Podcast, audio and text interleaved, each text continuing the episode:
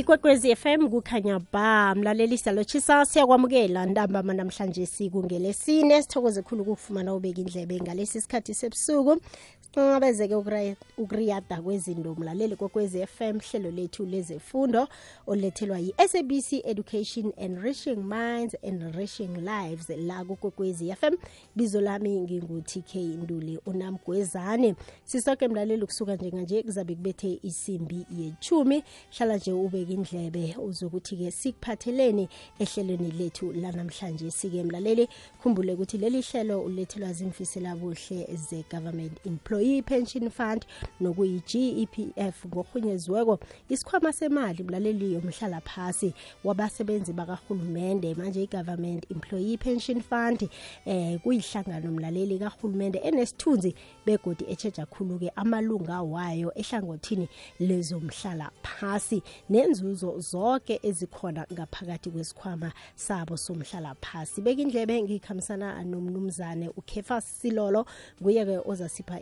ihlathululo ngesihloko esisiphetheko namhlanje. Si khe siye ngapha mlaleli kokwezi FM siza kubuya.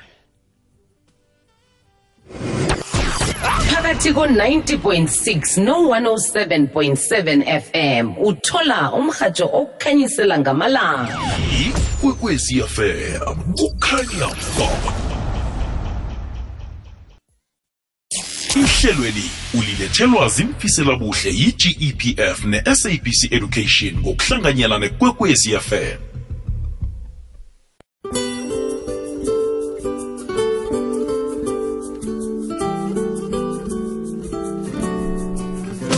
ikwekwezi fm kukhanya ba sibiyile-ke mlaleli sirakela phambili nehlelo lethu le-civic education.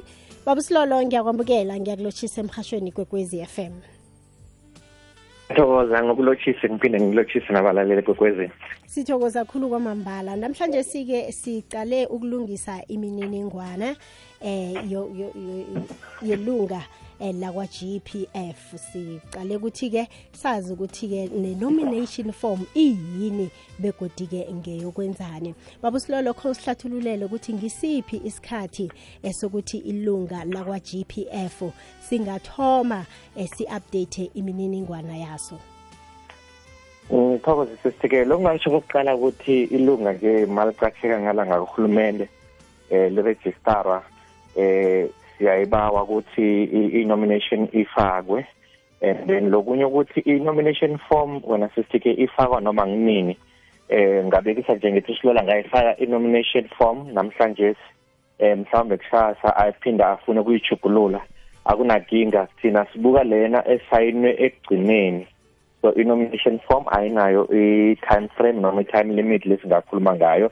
Kepha-ke umuntu angayifaka noma kunini but siyaba ukuthi nje umuntu nje macala athole umbereko ngala uhulumeni bamrejistara bese uyayifaka i-nomination form. Ahake siyathokoza babusilolo mhlambe-ke kuqakatheke kangangani ukuthi umuntu alungise nanyana a-update imininingwana yakhe Eh kuqakatheke kakhulu wena CCK njenganje sesikhuluma eh singi-GEPF sihleli ngemali engango 2.9 billion yamarandi. Le sibiza ngokuthi unclaimed benefit. Le unclaimed benefit wona CCK isukusela khona la ukuthi asinayo imininingwane ngala ngaku-GEPF ehlale kuhle nalokuthi labantu labaningi sebachonile le mali ayikabhadaleki asikhoni nokuthola lama beneficiaries ukuthi ngibobani bahlala ngakuphi. So uyakhona kubona ukuthi le nomination form iqakatheke kakhulu ngoba le mali wena CCTK ihleli nje le mali lenye mhlawumbe seyihleli ngesikhathi esidlula nango-10 years ihlele ngala ngaku-GEPF iyazwakala babusilolo msinyazana sitshinge ngentolo siza kubuya.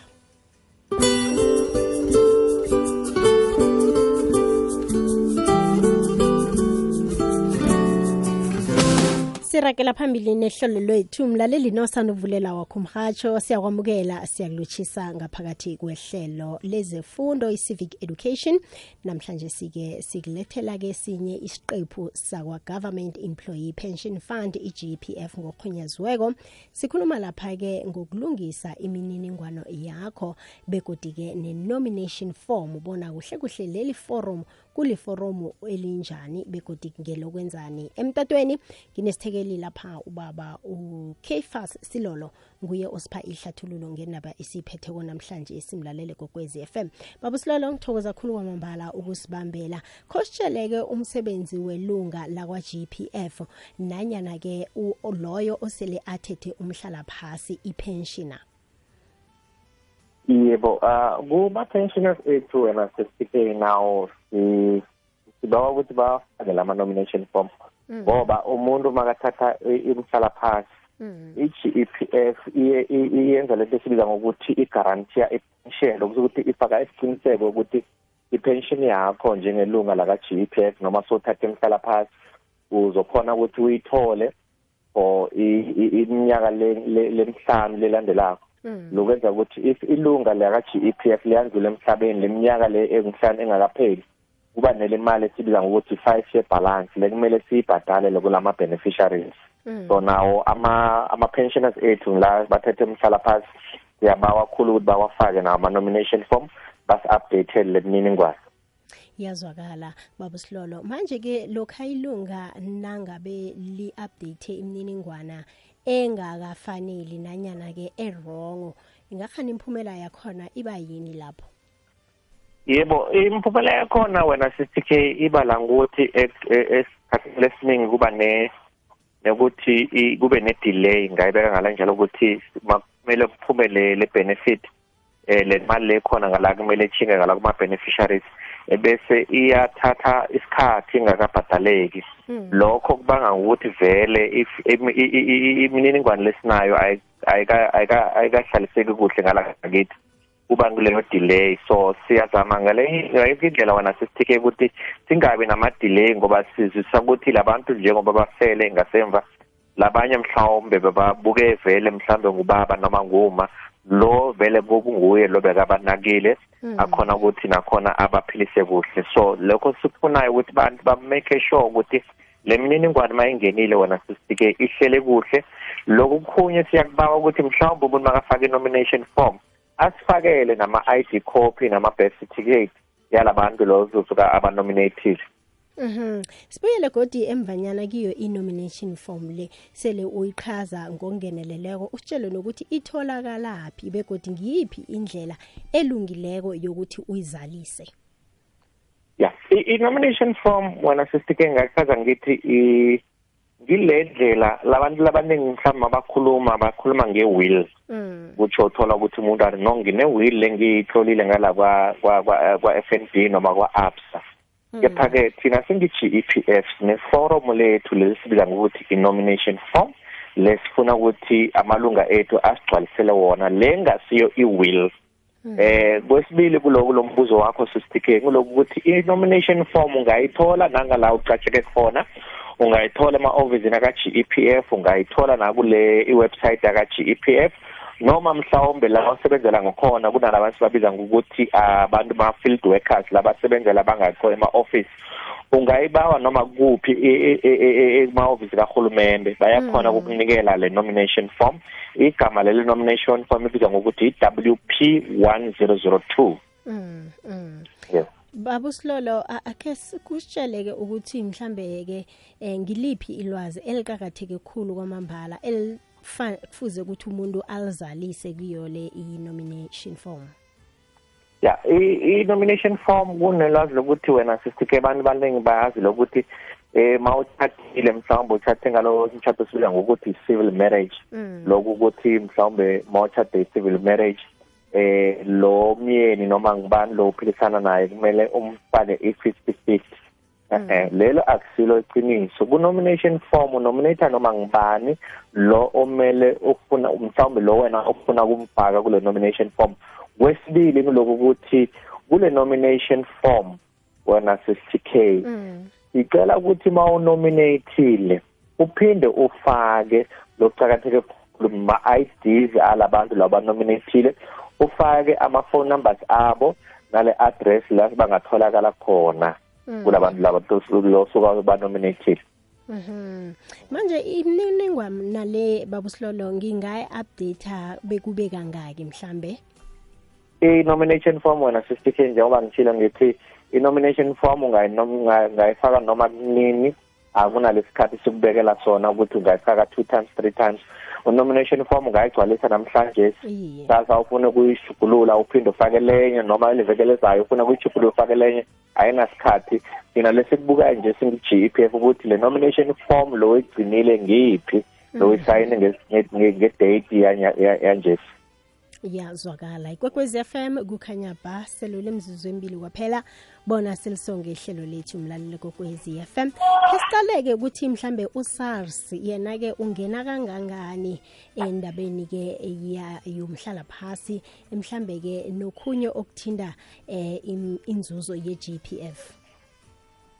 Yebo uh isingi-g e p f noma noma kuyiphi pension fund le khona Mm. wena 60k eh usars uthi eh ngizoyibiza ngegama leli ukuthi any benefit that is payable is taxable lokusho ukuthi yonke imali lekumele uyithole usars uzodosa i-tax kepha-ke kule tax wena 60k kunendlela le usars ayibekile ukuthi ayikusiyo yonke le mali etaxekayo but uyitaxa kuya ngokuthi wena uzothola emalini ebese abeka i-percentage.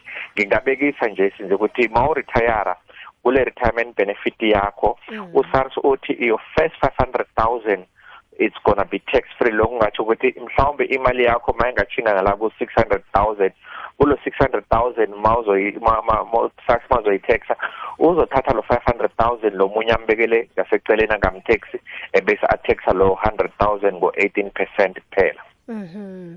nje manje ku- kukhona mhlambe ke isystem enisebenzisako ekwazi ukuvikela ilwazi elifihlekileko khulukhulu lapha ku nomination form? I i- nomination form wena sesike mase siyitholile ingenile ngala ku system yethu. I-document yaka GEPF asakhona ukunikela umuntu noma ngibani noma ilunga lele likungulo lelifakile nomination form.